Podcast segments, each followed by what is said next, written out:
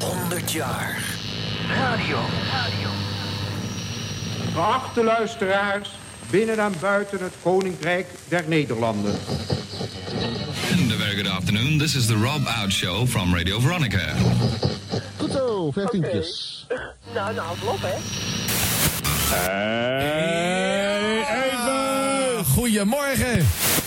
Wat heb jij met Barkruk zitten dan opgehaald? Radio. Van waar het begon tot nu. Dit is 100 jaar radio met Harm Edens en Arjan Snijders.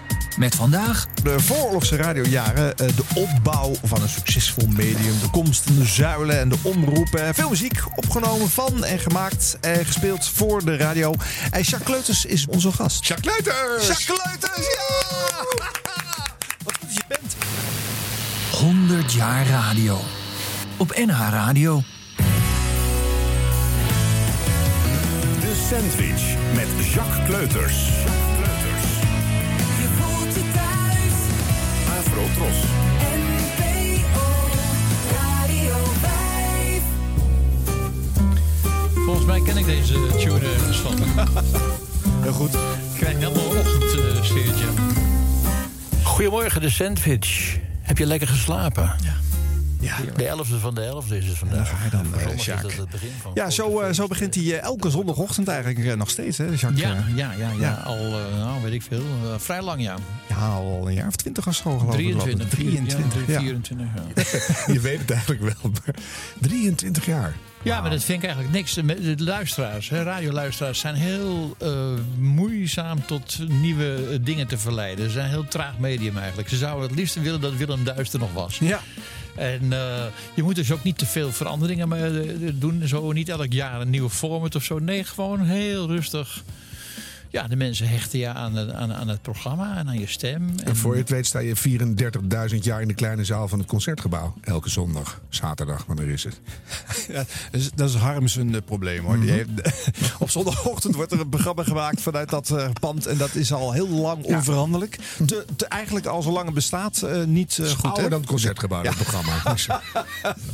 Hey, maar, maar Jacques, ook dit programma is wel veranderd in die 23 jaar toch? Hè? Als wij een sandwich zouden pakken uit het begin, wat, wat, hoe anders is dat dan wat we nu Totaal anders. Ja. Maar eh, ik, ik verander elke week een heel klein beetje, vrijwel onzichtbaar.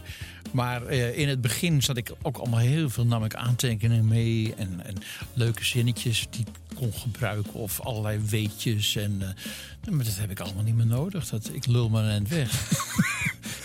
zoals nu. Ja, ja. Ja, en, en, nog vroegere programma's. Ik maak eh, reguliere radioprogramma's vanaf 76. En ehm, ja, dan had ik allemaal uitgeschreven teksten en zo. En dan, als ik dat terughoor met een heel ja, merkwaardig geknepen stemmetje van... Thans, luisteraars, vraag ik uw aandacht Ja? voor een opname. En dan, weet je, dus dat, dat, dat doe je allemaal niet meer. Hoe kwam dat dan? De, een soort voor, goed voorbeeld doet goed volgen? Of? Ja, je zit in een soort van traditie. Hè? Dus eh, voor mij had je bijvoorbeeld bij de AVRO meneer Alex de Haas. En die zei dan bijvoorbeeld, eh, die had dan van die programma's eh, onder de titel van Schatten der Toenkunst. Of eh, Klankomrankte levens. mooi, mooi. En die, die had dan van dit soort aankondigingen van... Een thans, dames en heren, vraag ik u wel gewaardeerde aandacht... voor een jonge dichter, zanger. Zijn naam is Frits Lambrechts. En hij gaat voor u zingen een lied van Jules de Korte. Over een noze met een non. Oh nee. Dat was Cornelis Vrees. Ja, sorry. Ja. Maar goed, daarmee zeg je eigenlijk een beetje, eh, dat was jouw, jouw omveld, dus je deed het ook zo. Want je dacht misschien wel dat het zo hoorde.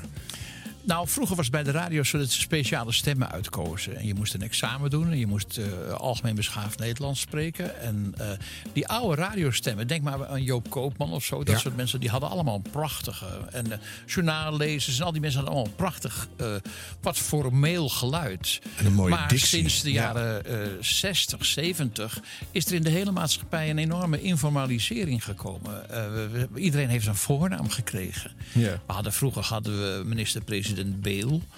Nu lees ik laatst eh, dat hij ook een voornaam had. Ik bedoel, dat, eh, en hoe was die? Die weet ik nog Louis, steeds niet. Louis geheten te hebben Oh, en zo. Ja. Dus de, de, al, eh, Kardinaal Alfrink. Nee, die schijnt nu Bernard Alfrink geheten te hebben. Het stoort me eigenlijk altijd dat in historische boeken mensen plotseling een voornaam eh kregen. Ja. Wij werden op school ook met onze achternaam aangesproken. Ik was kleuters. Hoe oud ben je nu ondertussen? Te oud. En, eh, nee, ik ben 72. eh, maar ik heb dus een, eh, de jaren 50, 60, 70, 80, 90, 110. Wie niet weg is, is gezien. Ik heb het allemaal meegemaakt. Ja.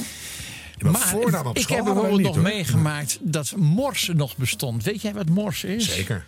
En weet jij, zou jij bijvoorbeeld nog bepaalde morse-signalen Nou, kennen? SOS, hè, dat is het enige ongeveer. En wat was de SOS? Drie keer lang, drie keer kort, drie keer lang. Ik dacht drie keer kort, drie keer lang, drie keer kort. Ja, jij bent ouder, dus dan... eh, Ik weet één woord. Punt, streep, punt, streep, punt, streep, streep, punt. Punt, streep, punt, streep, punt, streep, streep, punt. En wat is dat, Arjan? Aap. Nou ja, twee A's en een P precies. nou, ik begin, er, wij ik over begin onze, er eigenlijk onze over. leraar op, op school, eh, op de lagere school. Zaten we naar elkaar codes te- punt, streep, punt, Ja? punt. Dat zei Ja, je dan net. wisten we dat, dat hij is een aap. Ja, lekker dat- efficiënt. Ik begin erover omdat Marconi eh, in 1895 eh, de eerste was die transatlantisch eh, eh, eh, signalen kon uitsturen door de, door de ether, zoals dat heet, eh, radio, telegrafie. En, en dat ging met morse. Ja. En dat is dus eigenlijk, als we het praten over het begin van de radio, Jacques, dan moeten wat- we wat daar beginnen. knap dat jij die brug nu maakt van, van de jaren 70 en de goede dictie... in één klap naar het hoofdmenu, de geschiedenis van de radio. 100 jaar radio. 100 jaar radio.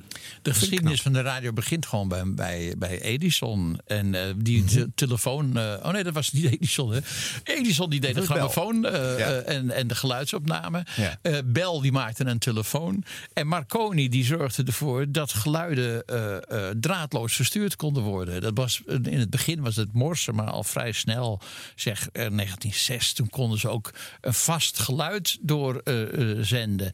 en toen kreeg je allerlei amateurs en die vonden dat interessant. Die hadden van die kristalontvaartjes eh, hadden die gebouwd. En die gingen dan meeluisteren naar eh, berichten van schepen op zee en zo. En enkele keer ontvingen ze nog wel eens iets anders. En eh, dat noemden ze etherhengelaars. Oh ja, dat mooi woord is dat. Een etherhengelaar. Ja. Stiekem opvissen van iets geheims. Precies. Dat is het sfeertje dan. Ja. En dat waren radioamateurs. Dat, dat was dus je hobby. Was dat, als je dan, eh, dan ging je dus naar een winkel en dan kocht je het bij spullen. En dan ging je dat in elkaar zetten. En die hadden dan ook weer tijdschriften en zo. En vooral in de Eerste Wereldoorlog was dat natuurlijk eigenlijk enorm interessant. Want konden ze dus ook weer allerlei eh, vreemde buitenlandse stations eh, ontvangen. Ging het over oorlog. En... ehm, Philips was natuurlijk daar ook in geïnteresseerd. Hè? Want Philips die, eh, ja, die, Omdat ze dan apparaten daartoe wilden verkopen. Philips maakte lampen. Ja. Maar er waren ook speciale lampen. Er waren radiolampen. En daar heeft Philips op een gegeven moment een geweldig belangrijke eh, uitvinding in gedaan. En ehm, toen in 1918, dus kort na de Eerste Wereldoorlog, was er in Den Haag een, eh, een, een grote radiotentoonstelling. En daar liet Philips zijn radiolampen zien. En dat heeft eigenlijk de deur geopend voor ontzettend veel liefhebbers. Om dan die radiolampen te gaan kopen en van die ontvangers te gaan maken. En dan konden ze plotseling uitzendingen beluisteren uit En die moest je toen zelf nog knutselen dus. Ja, eigenlijk wel, ja. Mooi. Daar kwam het wel op neer. was een beetje mannetjesding dan ook, hè? Denk Ja, ik denk het ook wel. Mannetjes met ongewassen truien en zo. Maar er was dus een meneer in Den Haag. En die was nogal technisch. En die heette eh, meneer Schotanus Asteringa. Itzeda. Prachtige naam, een Friese naam. Ja, weet je, als, je, als hij nu een radioprogramma zou maken, dan moest hij een shout hebben. Dan zou het misschien zo kunnen klinken. Hans Henricus Schotanus Asteringa Itzerda. Of als hij een hitprogramma had. eh, Hans, Henricus, Schotanus, Asteringa, Itzerda. nou ja, vond ik leuk. Geweldig. Leuk, Even laten maken. Leuk gemaakt. Leuk gemaakt. Ja, of dat het dan te lang duurde in deze tijd dat hij moest kiezen. De, kies maar één naam, duurt te lang. Hij had kunnen. een huis in Den Haag en uit dat huis maakte hij een uitzending. Dat was dus eh, iets nieuws. Dus eh, eh, hij praatte, hij, hij vertelde moppen. En hij draaide, had een grammofoon. En dat was een, een, een patéfoon, waar dus patéplaten op gedraaid eh, werden. Kan ik wel uitleggen. Je hebt normaal plaat eh, heb je een slingerende groef, zeg maar. Hè? Ja. Maar Pathé had een heuvel- en dalsysteem, een heel- en deelsysteem. En eigenlijk later is het stereosysteem gekomen. En dat was een combinatie van heel en deel en zo'n laterale groef. Maar dit is even een klein technisch puntje. Maar ik weet dat Sjaak hiervan houdt. Want Sjaak is ook eh, lid van een, eh, een club met verzamelaars van ja, platen van voor de oorlog, zeg maar. Ja, Dus de, daar de Weergever heet die club. Dat is wel mooi. Die Prachtig op- gebouwtje in Amsterdam met hele mooie mooie collectie. Heb ik jou niet eens lid gemaakt? in de Jazeker. tijd? Maar je Ja. bent ook lid. Ja, we zijn daar een keer eh, gezamenlijk Ja, we zijn daar een geweest. keer geweest. ja. Ik zit te wachten nu. Maar goed. Je wil ook lid worden. Dan moet je wel, moet je wel komen. Het natuurlijk. komt wel bij elkaar dan. Want die, die, die, die radio, die eerste radio-uitzending, hoe krijg je nou eigenlijk zo'n plaat in de lucht? Nou, dat deden ze dus door op die grammofoon, die patefoon, in plaats van een grote hoorn, een telefoon te plakken. Gewoon een, een, een microfoon van een telefoon eh, horen. En Ja. daardoor konden ze verbinding maken en konden ze gaan uitzendingen. Dus dat is het begin geweest. Is dat ook wat Itza daar dus nodig had om iets ten gehore te brengen bij die eerste uitzending? Eh, had hij deze constructie om, Ja, hij had- om muziek hij te laten Hij horen? had stroom nodig, had een grammofoon nodig, hij had een telefoonverbinding nodig. En hij moest dus zo'n Philips lamp hebben. Ja. En, en een generator, en weet ik hoe het allemaal heet. Spoelen, weet ik Mhm. wat allemaal. En daarmee kon hij dus de ether in, zoals dat eh, in de tijd Maar heette. hoe, hoe zond hij dan uit? Want dan had hij het op een gegeven moment opgenomen. Je moet het ook gaan zenden. Ja. Nee, hij had het niet opgenomen. Hij deed het live, Ja, live, live, ter plekke. neem je Nee, het er werd niks opgenomen, het was Nee, allemaal live. Nee, maar het moet de lucht in. Hoe- ja, hoe- moet de lucht in. Dat ging door die lampen. Dat ging door die lampen. Eh, jij vertelde, Sjaak, eh, er is audio van dat allereerste geluid wat hij ooit heeft eh, verstuurd. Dat is het geluid formeel gezien van die, eh, eh, die eerste proefuitzending op de die jaarbeurs, eh, waar hij dat eh, eh, ten doop heeft gehouden. Eh, er is geluid van een uitzending waarin hij terugblikt op die gebeurtenis, want er is geen opname uit 1919. 5 november 1919, een soirée musicale noemde hij dat. Ja. Hij had een speeldoosje had hij thuis. En, Een stukje eh, luisteren? Wat zeg je? Een stukje luisteren? Graag.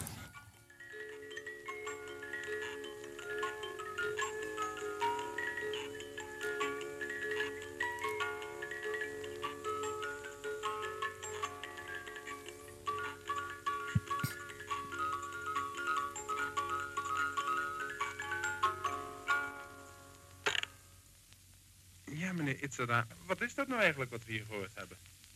Dat is het eh, orgeltje wat gebruikt is bij de eerste radiotelefonie-uitzending voor de jaarbeurs in 1919 te Utrecht. Dus dat wil zeggen dat het allereerste wat in Nederland door de radio geklonken heeft, dus de voorloper op alle programma's die wij en anderen op het ogenblik uitzenden, dat dat dit geweest is wat ik nu gehoord heb, die meneer Tjoek. nou, dat is dan heel merkwaardig. En zou u het misschien nog even kunnen laten spelen, meneer? Het is misschien een beetje kinderlijk verlangen, maar het is toch werkelijk een bijzondere sensatie als je plotseling het eerste geluid tegenkomt dat door de radio is uitgezonden. Dan zullen we het eerst even moeten opvinden. opvinden. Harm is hard aan het lachen, maar dan heel stil. Even opwinden. En dan gaan we weer. Maar dat is wel waar wat hij daar zegt. Hè? De sensatie om dat voor het eerst gehoord te moeten hebben. Van Die voel je nu bijna zelf ook. Ja. Dat is echt fantastisch. Ook omdat het de allereerste radio-uitzending in de hele wereld was. Ja. Maar hij noemt ik- het radiotelefonie-uitzending. Ja, ja, ja. het Prachtig. ging natuurlijk met een telefoon. Ja. Ja. Maar hij was dus niet alleen de eerste in Nederland, hij was ook de eerste in Europa en waarschijnlijk ook de eerste in de hele wereld. Niet dat er niet voor die tijd al niet af en toe iets was geweest, maar vanaf Itzeda is er een constante geschiedenis van radio geweest in Nederland. Dus wij zijn wat dat betreft pioniers. Kwamen ook door Philips, door die lampen dat we daar dichtbij zaten en zo. En eh, ja, dit, dit speeldoosje was op een gegeven moment verdwenen. En toen hebben ze voor een radioprogramma bij de KRO in 1983 hebben ze dat speeldoosje gezocht. En toen kwamen ze bij de zus van meneer Itzeda terecht. En die had het nog. Oh, wauw. En daarom dat is kunnen toch we- geweldig? Ja, ja geweldig leuk. ja. En waarom is dat fragment bewaard? Weet je dat? Nou, ik heb het idee dat eh, eh, die Itzeda eh, eh, voor de oorlog een keer geïnterviewd Ja, is. dit is uit Want hij 1939, hij is 20 in de jaar oorlog na is hij omgekomen, Itzeda. Ja. En, eh, dus het moet voor de oorlog zijn, een radio. Nou, Ja. Ja, 39, dus Zo dat mooi 20 jaar geleden was. Onvoorstelbaar. Maar ja. wat we ook nog kunnen laten horen uit die allereerste uitzending, dat, uit dat concert muzikaal, dat was een grammofoonplaat die toen gespeeld werd van eh, de, de eerste Nederlandse singer-songwriter. Hij noemde het zelf anders. Hij zei: Ik ben een dichter-zanger. en dat was de heer J.H. Speenhof. En die zong daar in 1919 eh, eh, zong hij een van zijn bekendste eh, liederen, Een meisje dat men nooit vergeet. Wanneer een man zich oud gaat voelen, verliest hij zijn luidrustigheid.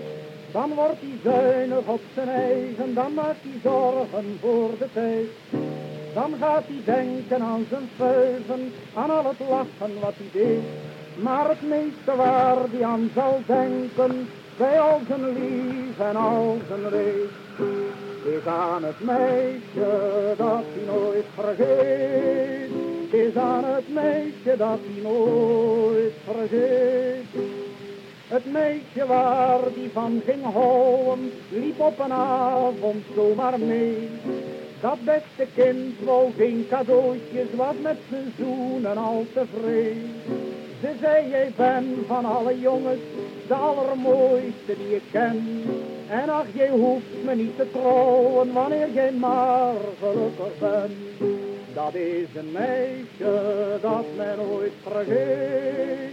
Dat is een meisje dat men nooit vergeet. Ze poetste 's morgens vroeg zijn schoenen, ze deed de vlekken uit zijn jas. Ze zorgde 's middags voor zijn eten, wanneer er wat te eten was. En ging ze s'avonds met hem lopen, dan was hij leuk en chic gekleed. Zodat de mannen naar haar keken, omdat hem dat genoegen deed. Dat is een meisje dat men nooit vergeet. Dat is een meisje dat men nooit vergeet.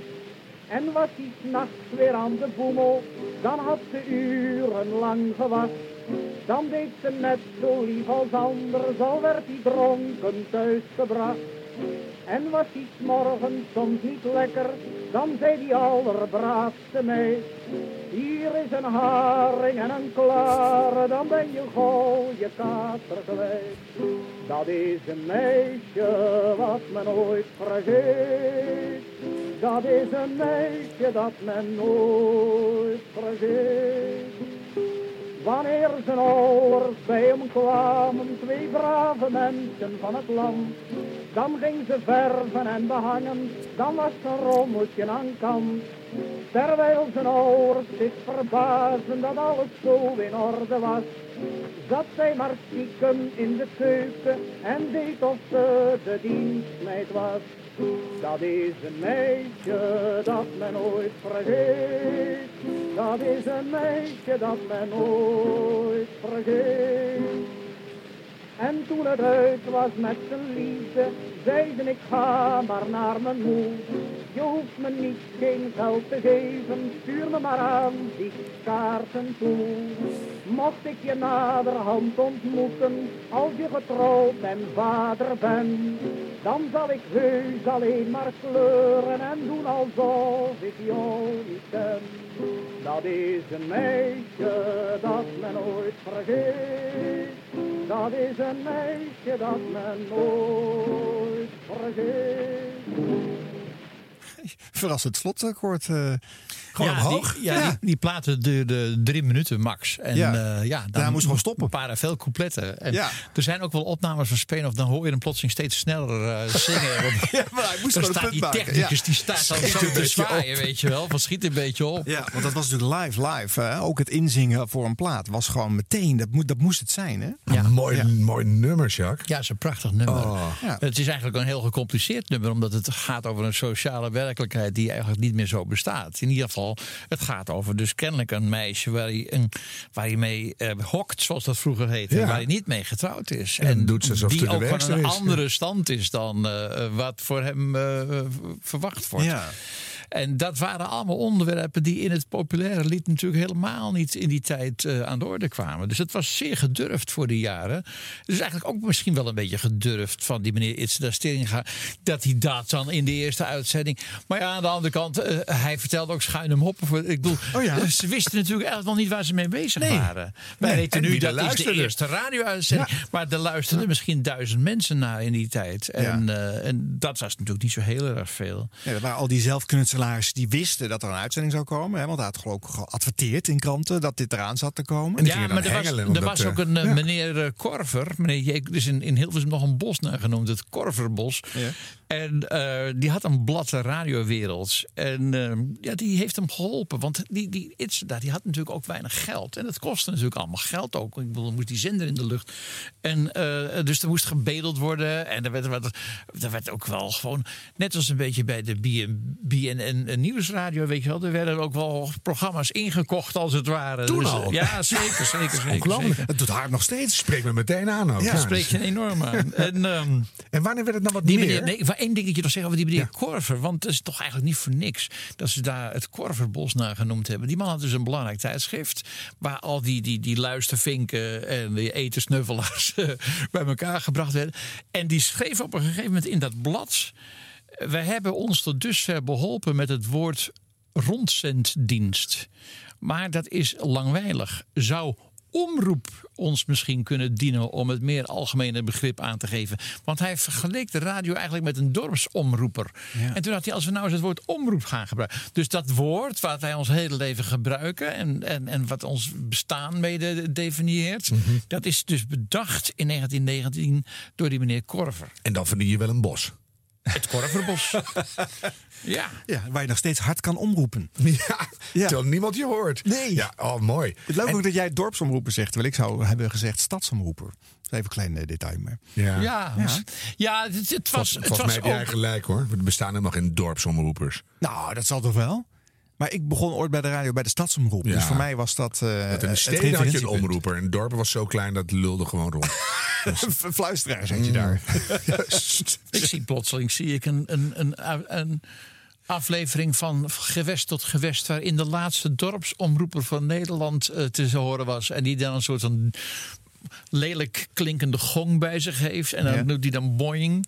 En dan roept hij van... eh, de burgemeester maakt bekend dat heden... Weet je wel, dan wordt er iets... eh, Ja, dus ik heb toch wel een beetje dorpsgevoel.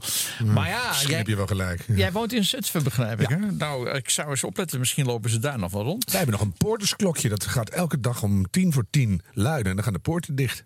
Waarom tien voor tien? En dan kon iedereen nog snel de stad in. En dan om tien uur. Tjeng, alles dicht. Ja. Die Itse daar, hè, met, met, met, met die amateurradiozender van hem, die had eigenlijk best een groot bereik. Want hij woonde dus in, in Den Haag, maar hij werd dus ook in Engeland opgevangen. En dat was toch eigenlijk wel interessant nieuws. Dus zijn naam verscheen ook in allerlei Engelse bladen en zo. En hij had op een gegeven moment een deal met het Koerhuis. En in het Koerhuis, daar zaten orkesten regelmatig te spelen.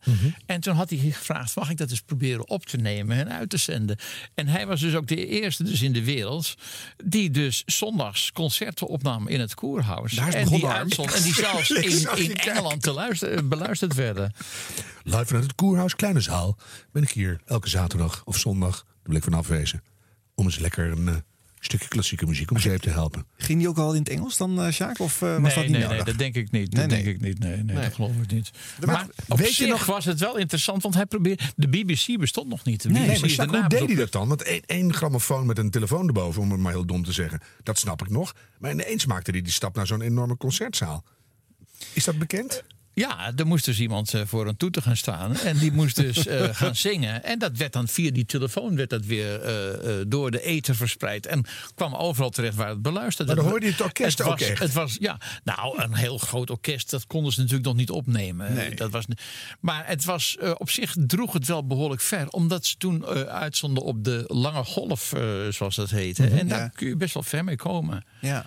En wat ik ook zo leuk vind, want je ziet wel foto's uit die tijd. Dat staat er inderdaad zo'n hele grote roeptoeter. En degene die het minste lawaai maakt, staat het dichtst bij de toeter. Hè? En, de, en, de, en de orkestpartij waar het meeste lawaai vandaan komt, moet zo ver mogelijk in de kamer eh, tegen de, tegen de muur aanstaan. En, en zich ook nog bewijzen. Ja, dat waren dus de, de, de grammofoon-opnametechnieken uit die tijd. Toen er dus akoestische opnames werden gemaakt. Dat is waar wat je zegt.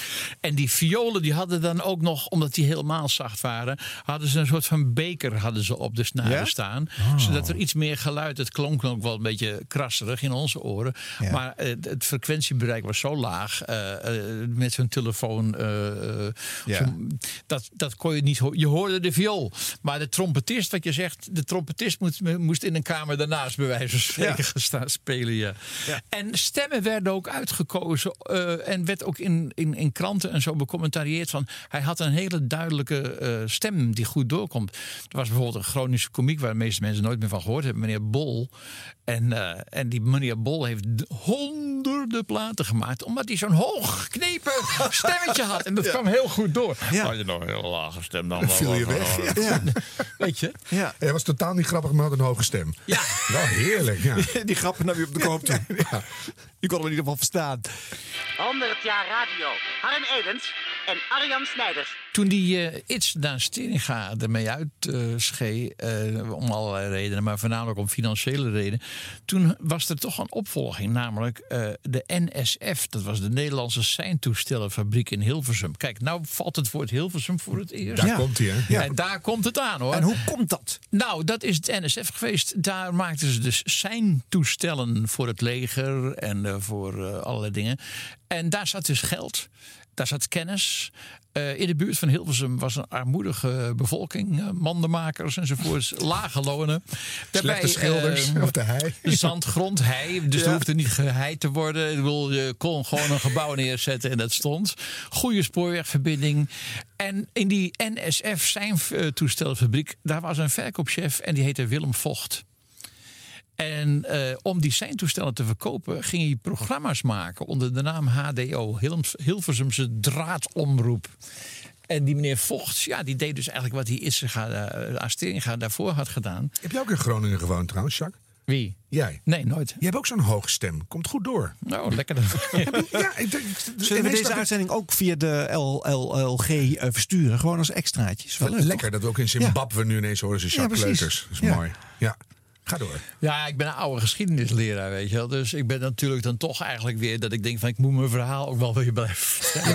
Maar, ik vind het maar we prima. zijn er nog. We zijn er nog. Ik heb wel Nee, een vraag. we zijn jij- 1923 zijn we. Oké. Ja, want want- dat- en ook dat jij ineens eh, bij Willem Vocht had je me weer hoor. Ja. Toen dacht ik, aha. Maar dat Hilversum, waarom is het nou in Hilversum? Dat is eigenlijk toeval. Had ook een andere plaats kunnen zijn waar die fabriek had gestaan. Het had in een andere eh, plaats kunnen zijn. Het had er heel erg veel mee te maken dat de Nederlandse seintoestellenfabriek eh, daar dus gevestigd was. Had dat En historisch Willem- in Zutphen gezeten, die- Harm? Nou, nou. ja, was de geschiedenis van de omroep racing. daar Ja, eh, los jammer hè. Ja. Ja. Nou ja, vanaf eh, 23 eh, zijn ze toen begonnen met, eh, met uitzendingen. Die meneer eh, Willem Vocht. eh, en eh, ja, had op allerlei plekken. En toen is hij dat gaan organiseren met een krantje en met tijdschriften. En toen werden er mensen ge- opgetrommeld. Die noemden zich luistervinken. En eh, een, een- wat ik zou willen laten horen, dat is een van de eerste uitzendingen geweest. Daar werd door een pianist en door een jazzband werd het bekende nummer gespeeld, Kitten on the Keys.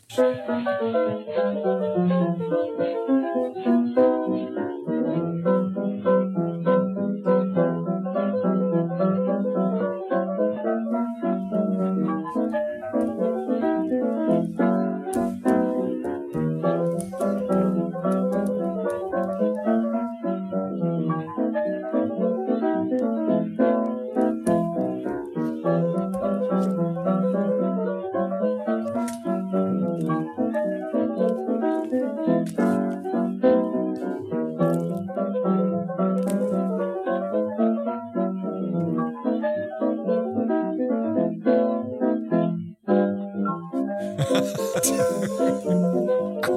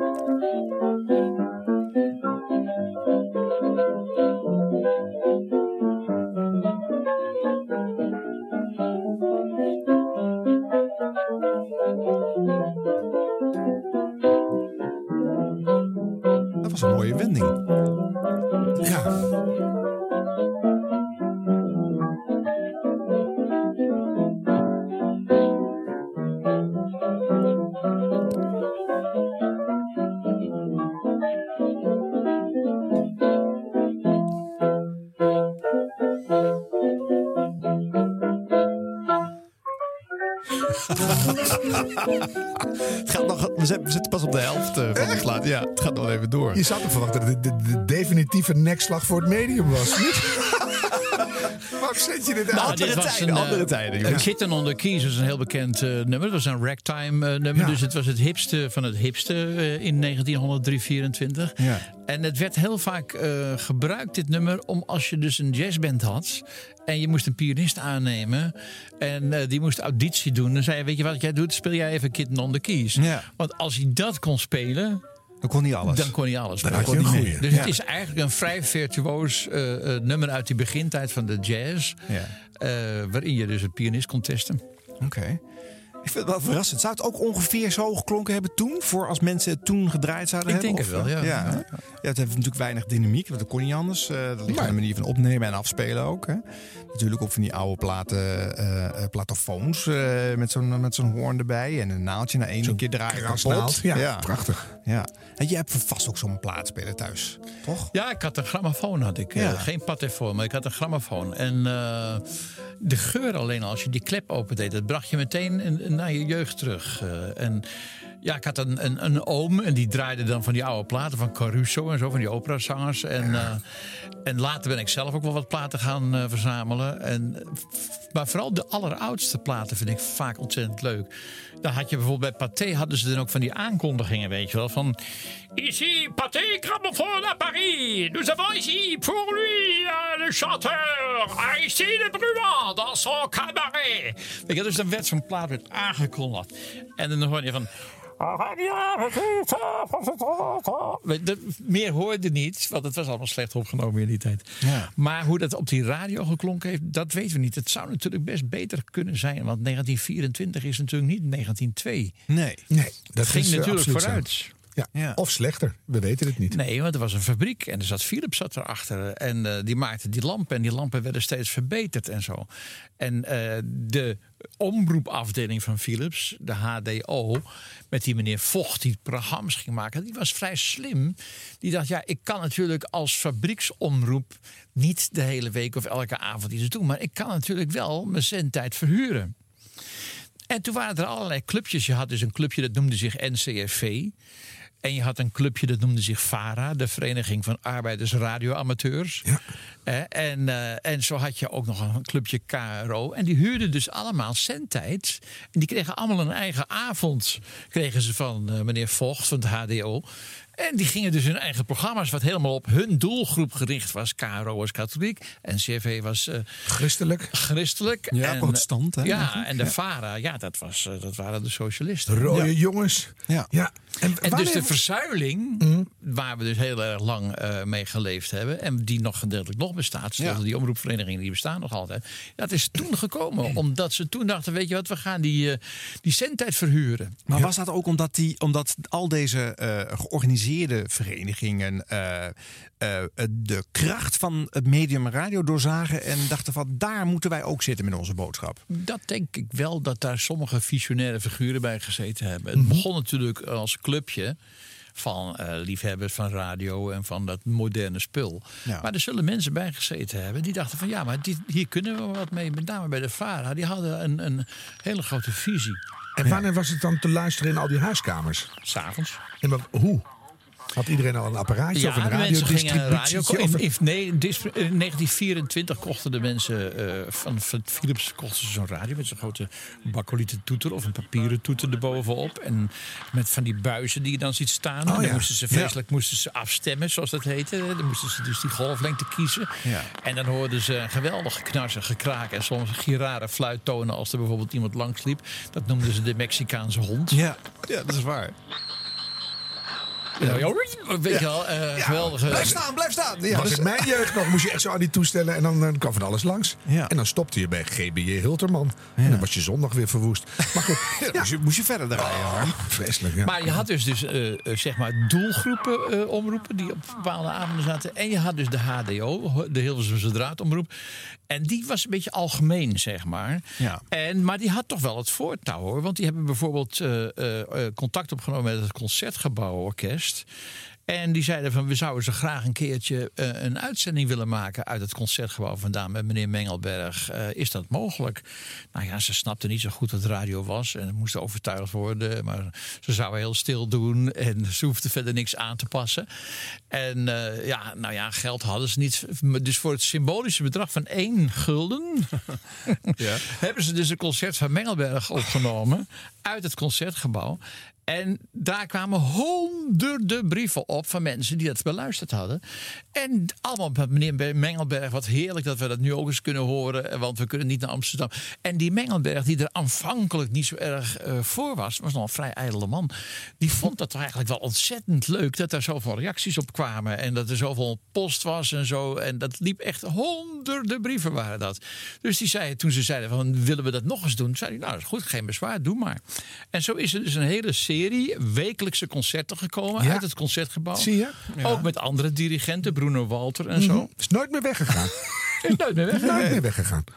Dat zijn natuurlijk toch wel eh, de heldenjaren van de, van de omroep geweest. Nee, maar je, je noemt wel een heel bijzonder moment, Jacques. Dat voor zo- zo'n cultuurtempel door zoiets simpels als een microfoontje, als je het heel stom zegt, opengegooid wordt voor de grote groepen. En dat ze dat op locatie konden doen. Ze gingen naar, naar Haarlem, naar de BAVO. En daar deed meneer Mengelberg deed daar de Matthäus Passion. En die werd dus live uitgezonden. Met op de het radio. Haarlemse kinderknapenkoor. Precies. Oh, prachtig. Nee, Harm, daar sla jij weer op aan. Ja, maar daar woonde ik schuin achter, dus ik hoorde dat gewoon uit mijn dakraam. Maar men moest natuurlijk nog wel een beetje wennen aan het medium. Men wist eigenlijk niet precies hoe dit allemaal precies werkte. Want het is bijvoorbeeld een verhaal dat in het concertgebouw eh, eh, orkest... eh, die speelde op een gegeven moment de sterfscène van Marguerite in eh, de Traviata. En toen kwam plotseling een violist naar voren en die zei in de microfoon... Dag Jopie. Echt waar? Nou ja, we hebben dat op de televisie in onze jaren ook nog meegemaakt. dat allemaal mensen zwaaien, op de tribune Zodra allemaal er naar de camera zaten. Ja, is nog steeds hoor, ik heb nieuws voor je. Ja, Is dat zo? Ja. Zo gauw er geen camera is, gaan mensen raar doen. Ja, dat is waar. Dat is waar. Zwaaien doen ze niet meer. Ja joh, gaan ze achter je staan en Iedereen eh staat de hele dag elkaar te geweien en alles krijg je uit je Nou, hoofd. ik ben vaak genoeg op de televisie geweest om te weten dat er altijd wel een meneer is die van tevoren gaat uitleggen dat ze vooral niet in de camera moeten kijken en moeten zwaaien, et cetera. Ja. Zal ik iets laten horen uit 1929 van de KRO? Heb ik wat geluid. Daar komt uh, Pastor Perquin even vertellen eh, eh, hoe dat nou moet op de radio. Katholieke luisteraars, het is voor u en u alleen dat ik ga spreken, omdat in lengte van jaren boven bewaard blijven in uw harten en in de harten uw nakomelingen de opvattingen welke wij hadden over de radio, toen wij in harde strijd en in moeizame zorg den KRO in Nederland voor ons katholiek volk gesticht en bevestigd hebben.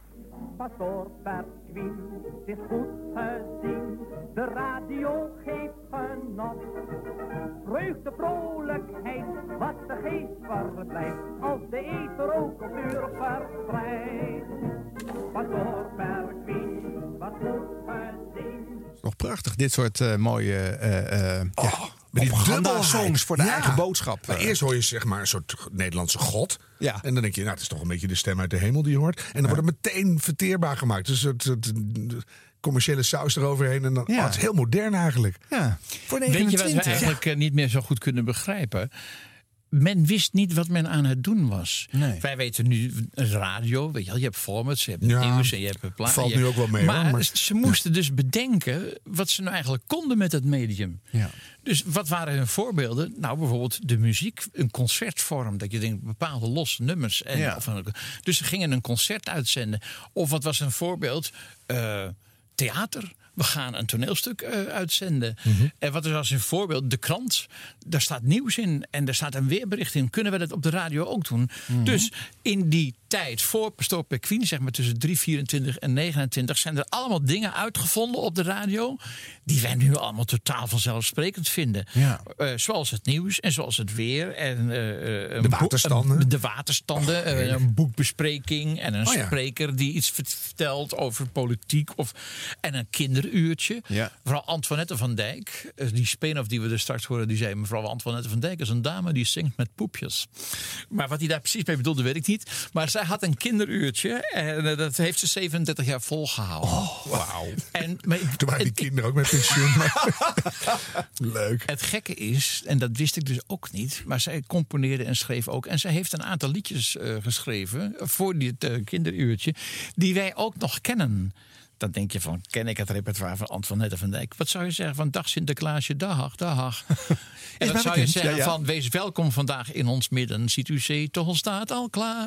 Dat is ook een Sinterklaaslied. Mhm. 5 december, 5 december, ja, dat is een mooie dag.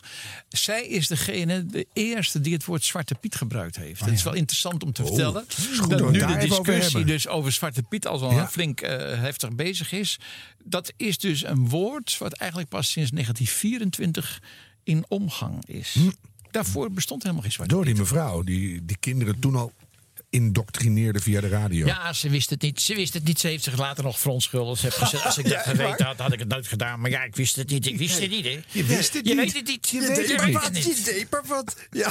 Goedenavond luisteraars in de studio en in de huiskamer. 100 jaar radio. De Bonte Dinsdagavondtrein. Juist. Zalige muziek. 100 jaar radio. 1924, Arjan, Ja. dat moet jou Oh, interesseren. Toen kwamen de Amerikanen met een uitvinding, eh, de Western Electric. eh, die, die verzonnen een luidspreker. Die verzonnen een apparaat waarmee je geluid door een microfoon kon opnemen. En dan kon verspreiden. Oh, Er kon een massa-demonstratie waar 30.000 mensen buiten stonden. kon je door middel van grote toeters. kon je de spreker toch laten horen. Voor die tijd moesten ze gewoon door zo'n ding heen schreeuwen. Ja. En waren ze niet ja. te verstaan. Maar nu konden ze door die, dat geluid konden ze elektrisch versterken. Dat is natuurlijk een onvoorstelbaar belangrijke uitvinding geweest. Ja. Want anders hadden we hier niet gezeten Nee. natuurlijk. Hadden we hier niet gezeten. Nee. Dus eh, eh, eh, de grammofoonplatenindustrie veranderde dat. Want niet meer hadden ze van die akoestische opnamen. Maar ze konden elektrisch, met een elektrische microfoon... en via een elektrische speaker en via een versterker... konden ze eh, dingen doen. En de radio werd natuurlijk ook veel beter daardoor. Ik vind het ook fascinerend dat die radio dus al begonnen is in een fase dat dit allemaal nog niet ontwikkeld was. Dat Ja. het allemaal nog zo, ja, echt wat dat betreft bijna prehistorisch eh, gestart is. En dat dat pionieren allemaal lopend het proces is gebeurd. Je zit nu te denken, wat, wat zou er in deze tijd daarop lijken? Ja. Wat we met de mobieltjes aan het doen zijn. Of, nou, je ziet het allemaal al. Nou ja, Apple heeft natuurlijk wel een, een bepaalde revolutie weer ontketend. Ja. Ik denk dat Ik kan me Philips het herinneren Apple in, van eh, eh, voor de oorlog was. ja, ja. In 1996 was ik op een eh, muziekfestival in Frankrijk. En toen stond er voor mij iemand en die had een draagbare telefoon bij zich. Een, een gsm, ik weet niet of we dat toen al zo noemden. En die had een vriendin aan de lijn. En die zei, eh, eh, en het was een Franse zanger was aan het zingen. En ze stak het ding omhoog in de lucht. En had tegen haar vriendin gezegd, dan kun je meeluisteren.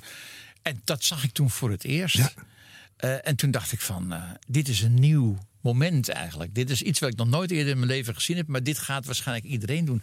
Nou, inderdaad, als je in een concert zit. Mensen zitten allemaal met een ding boven hun hoofd te luisteren. en te luisteren. Ga thuis pas kijken wat ze mee hadden kunnen maken. Maar ze in de zaal soms heb je ook van dat moment en die kloppen dan niet. Want ik stond ooit bij de haringkraam op de Westermarkt. En er stond Haaien van der Heijden met een mobiele telefoon zogenaamd. Maar dat was gewoon zo'n oud Philips ding. En hij woonde daar vlakbij. Had hij nog net bereik.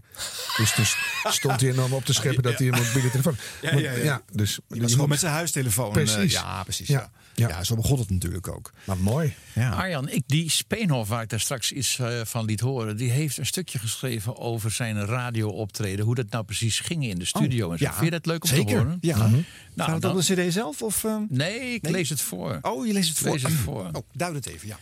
Terwijl mijn vrouw en zoon zingen, ga ik even luisteren in de grote instrumentenzaal, waar men al dadelijk de radiooverbrenging horen kan. Daar flikkeren heldere lichten, kreunen klossen, piepen draden en zoemende duizenden elektrische krachtseenheden. Men hoort er water sijpelen. Tussen al die heelal-energie lopen de wetende mensen als dresseurs rond. Ik gevoel me even tussen de Marsbewoners. Ik denk aan de boeken van Jules Verne, vooral ook omdat er op een eens Engels gesproken wordt. De hoofdingenieur is een Brit. We drinken een kopje thee en we vervolgen onze rondgang. Het gaat al vlotter.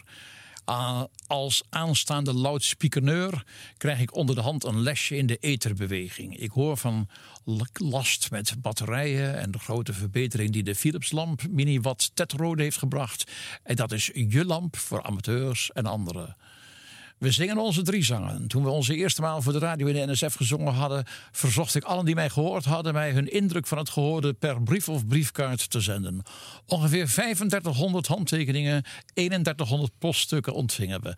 Ook veel uit België, Duitsland en Engeland, uit Engeland en men was tevreden. Van schepen op zee, uit afgelegen dorpen, eenzame boerderijen kreeg ik berichten. Duizenden hadden ons gehoord. Ik kreeg geschenken. Een kanarievogel in een kooitje, zoute stengels, vruchten en een pot boerenjongens van een kastelein uit Friesland. Die, die per radio in zijn herberg een voorstelling had gegeven. Tegen oudjaar hopen we over de nieuwe 60 meter mast onze nieuwjaarswens te zingen. Mooi hè? Ja, geweldig.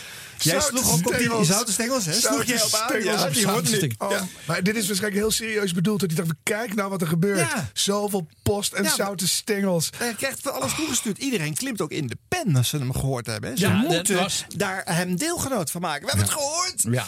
Er was in het zuiden van het land, in Eindhoven, was er een man en die heette Anton Philips. Ja. En die schreef aan Mengelberg, hij kon het niet zo goed horen. En die gaf toen twee zendmasten van 60 meter hoog schonk hij aan het. e- En dat, dat was natuurlijk een sigaar uit ijzeren doos. Want die man die begreep ook wel dat, dat het een nieuw medium was. En dat dat voor Philips geweldige eh, verruiming van zijn mogelijkheden zou zijn. briljant, maar hij heeft dus twee grote zendmasten gratis gegeven. 60 meter hoog. En die hebben jarenlang dienst gedaan. Ik doe eh, associatief, eh Jacques, als ik je wat hoor zeggen. En jij zegt nu iets over de Philips radio. Ik heb wat geluid van Philips uit 1927.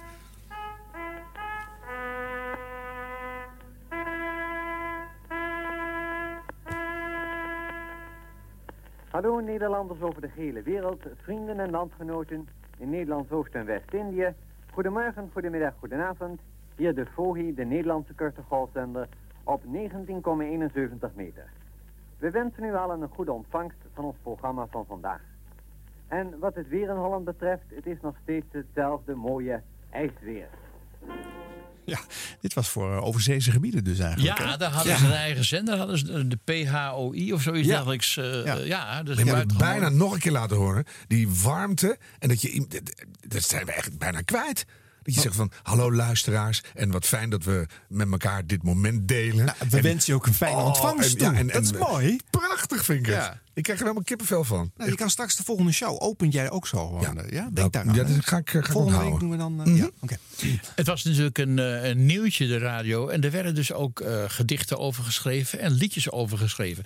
Ik zou ze graag draaien. Een van die humoristen uit die tijd, zingende humoristen, die heel populair was. En die heette Kees Pruis, zingende groenteboer. En eh, dat is al mooi. die had een lied en dat, sla- dat sloeg helemaal op deze tijd waar we het nu over hebben. Ome Co heeft radio.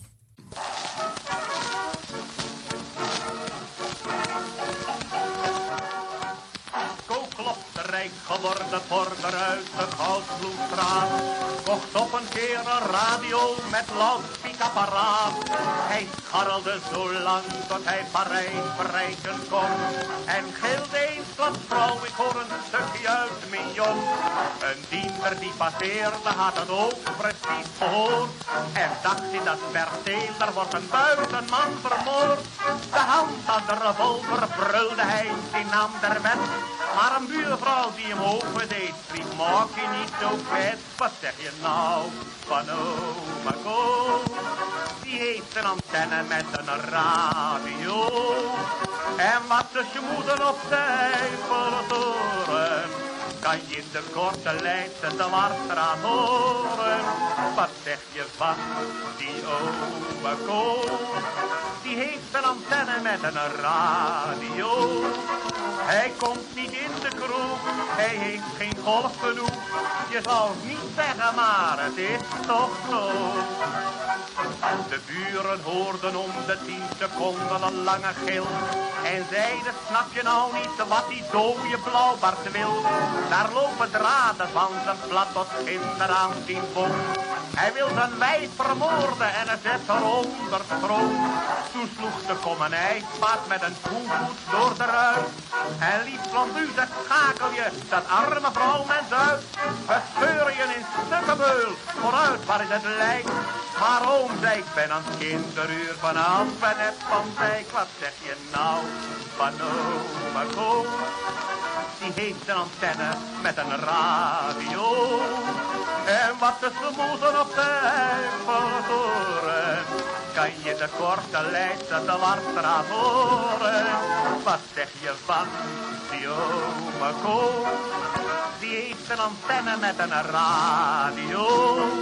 Hij komt niet in de kroeg, hij heeft geen golf genoeg. Je zou het niet zeggen, maar het is toch zo. Een lange kreet kronk tergend buurman kreunde laat me los. Wat een motje grijnsde kool, dat is paljas van Christenbos. Hij zingt vanavond schitterend, ik heb nou Hilversum.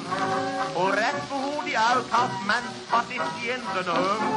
Als je nou even wacht, dan krijg je Londen de Savoy. Dan hoor je de echte jazzbandieten, dat is zo enig mooi.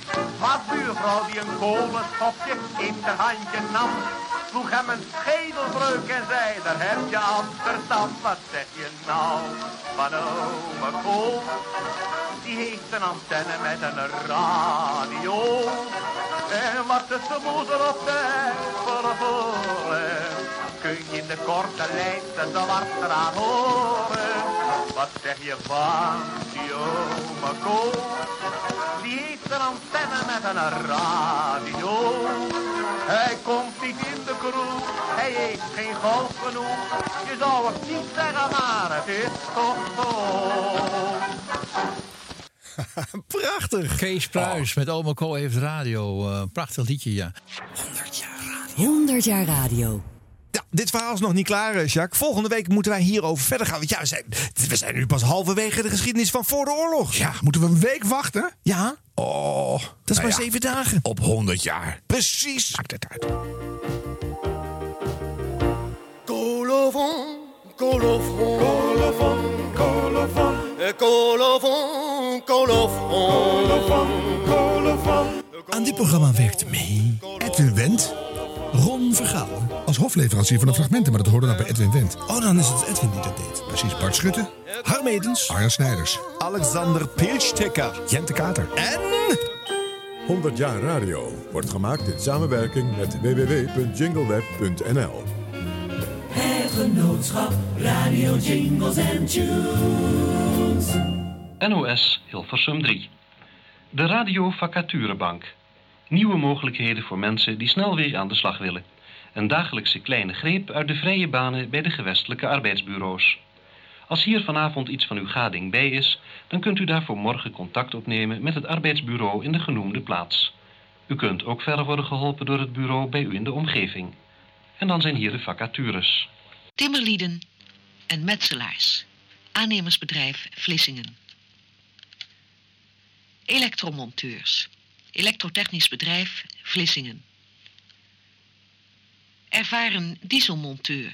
Transportbedrijf Weert. NH Radio nam je mee terug in 100 jaar radiogeschiedenis. Ga voor meer afleveringen en bonusmateriaal naar nhradio.nl.